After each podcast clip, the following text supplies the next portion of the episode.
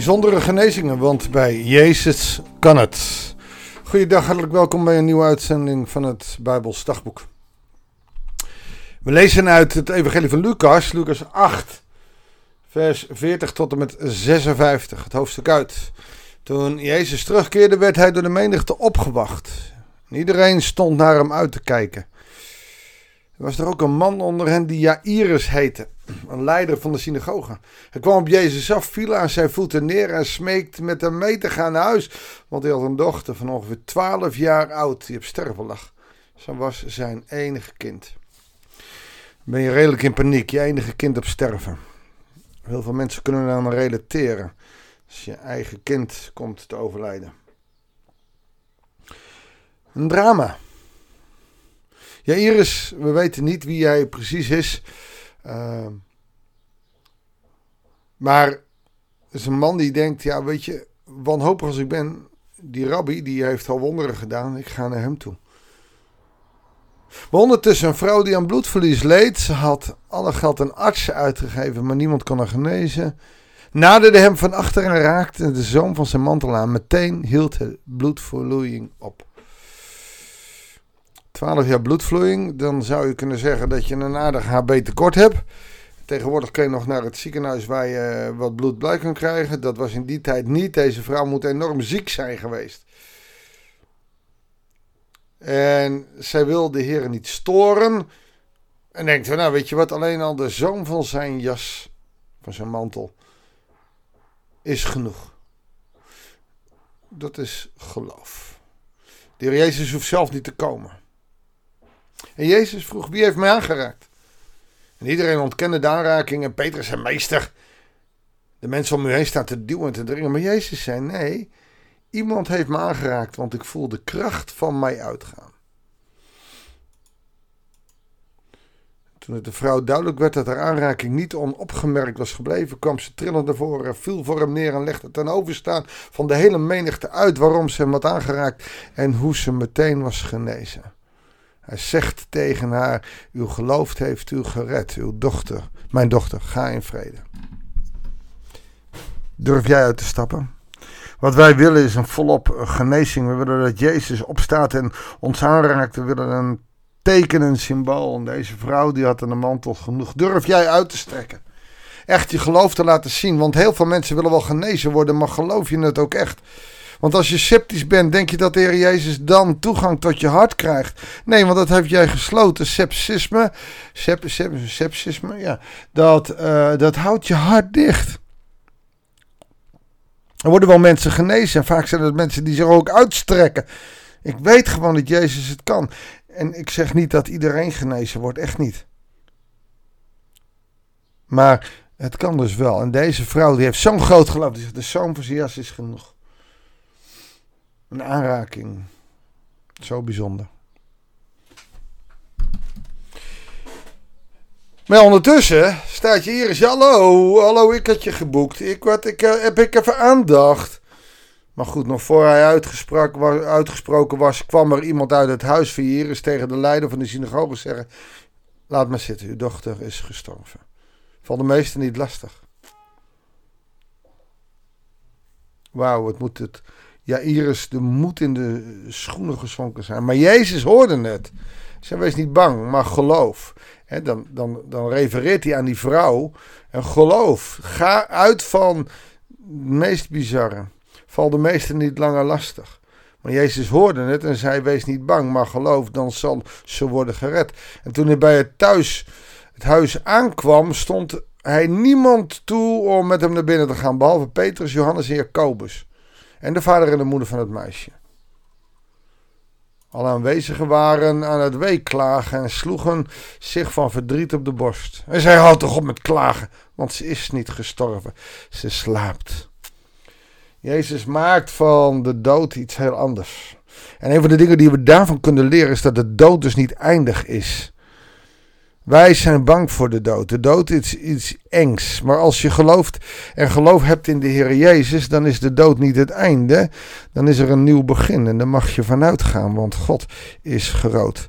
En de dood is de overgang naar de shalom van God, naar de vrede, naar de eeuwige eeuwigheid, naar het paradijs of de straten met goud, nieuwe hemel en een nieuwe aarde, welke metaforen, welke voorbeelden je ook wil gebruiken. Hou op met klagen. Wij kunnen, je mag best klagen, maar soms even niet. Soms is het Jezus even te veel. Hou eens op, zeg dat geklaag. Waar ben je mee bezig? Daarom zegt hij hier: hou op met klagen, want ze is niet dood, ze slaapt. Voor Jezus is er geen dood. Dat slapen is een overgang en hij wilde wel wakker maken. En dan kan ze nog verder leven. De mensen lachen hem uit. En dat zijn de mensen die haar eh, staan te weeklagen. Die worden daarvoor betaald. Hè? Hallo, er is iemand dood. Wil jij gaan weeklagen? En dan gingen ze gaan weeklagen. En dan gingen ze gaan huilen. En als ze dan even een straatje verder waren, dan waren ze weer vrolijk. Maar dan waren ze in de buurt van het huis. En, oh, oh, en dan klopten ze zich op de borst. Heel apart is dat. Hij nam haar hand vast. En met luide stem zei Talita Kumi, meisje, sta op. En haar levensadem, haar roeg keerde terug in haar en ze stond meteen op. Haar roeg was dus bij haar vandaan. Zij was al in de hemel. Maar ze krijgt een nieuwe uh, roeg, de, de, de, vernieuwde levensadem terug. En hij gaf opdracht haar iets te eten en te geven. En haar ouder waren verbijsterd. Ze was beter, ze was levend.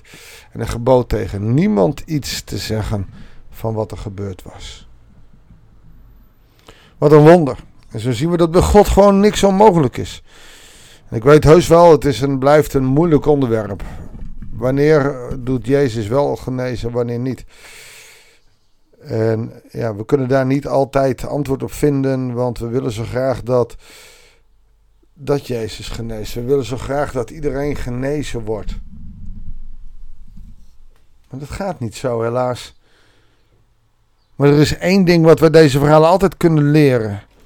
En dat gaat omdat Jezus zegt: Joh, wat fijn dat je weer uh, genezen bent. Ga maar heen. Nee, je geloof heeft je gered. En dat is de belangrijkste boodschap uit deze, uh, uit deze stukken. Je moet geloof hebben. Als je dat geloof niet hebt, dan is niks meer mogelijk. Als je geen geloof hebt, dan, dan is de dood dood. Maar als je geloof hebt, is het dood leven. En misschien voor de ene overgang en de ander voor genezing hier op aarde. Dat weet ik dan niet wanneer, hoe en wat. Daar kan niemand weer over zeggen. Maar genezing is er. En de geestelijke genezing onderschat die niet. Als je het eeuwige leven mag beërven. Dan is het tijdje hier op aarde dat je hier nog hebt Zoals Psalm 90 zegt, 70, 80 jaar worden sterken. Dat is niks vergeleken bij de eeuwigheid. Laat je daar toch niet onder doorhalen. En weet dat, weet dat, dat we veel langer te leven hebben. Een leven hebben zonder dood, zonder ziekte, zonder ellende. Ja, maar dat is voor later. We willen nu, wij hebben geen geduld. Wij willen alles hier en nu en de genezing moet hier maar plaatsvinden. En zo werkt dat helaas niet altijd. En komt dat door ons ongeloof? Komt het omdat God niet iedereen geneest? Ik weet het niet. Ik kan het je niet altijd zeggen.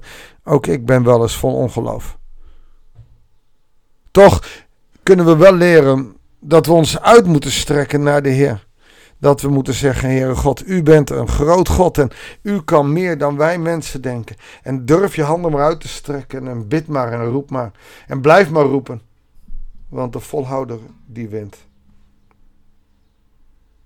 Moeilijk onderwerp, hè? Laten we het gewoon maar bij God brengen. Vader in hemel, dat over genezen, dat is een lastig onderwerp. Want in de Bijbel lezen we erom dat mensen maar de zoom van uw jas hoefden te doen. Of dat u maar hoefde te zeggen, meisje sta op. En uit de slaap werd ze opgewekt, Heere God. Haar levensadem was weg, de roer was eruit. Er was geen leven meer en u gaf haar leven, want u bent het leven. Heere God, en daarom is alleen al het kennen van u de weg, de waarheid en het leven. Een teken van leven waardoor we op mogen leven en dit leven mogen aanvaarden zoals het is. En dan zullen we nu nog in de gebrokenheid gaan, maar we zullen een toekomst hebben waar die gebrokenheid weg is, omdat u het kwaad en de ellende en de ziekte heeft overwonnen. Ja, we loven en prijzen uw grote naam. Dank u wel voor wie u bent. Ga met ons mee. Ik bid u voor alle mensen die ziek zijn, die graag zo'n genezing zouden willen meemaken. Ik bid u voor alle mensen die wat mankeren, Heer, wil ze herstel geven. Maar bovenal wil ze geloof geven dat wat er ook gebeurt, ze altijd op u mogen blijven vertrouwen. Dat bidden we u zo in Jezus' naam. Amen. Dankjewel voor het luisteren. Ik wens je God zegen en heel graag tot de volgende uitzending van het Bijbels Dagboek.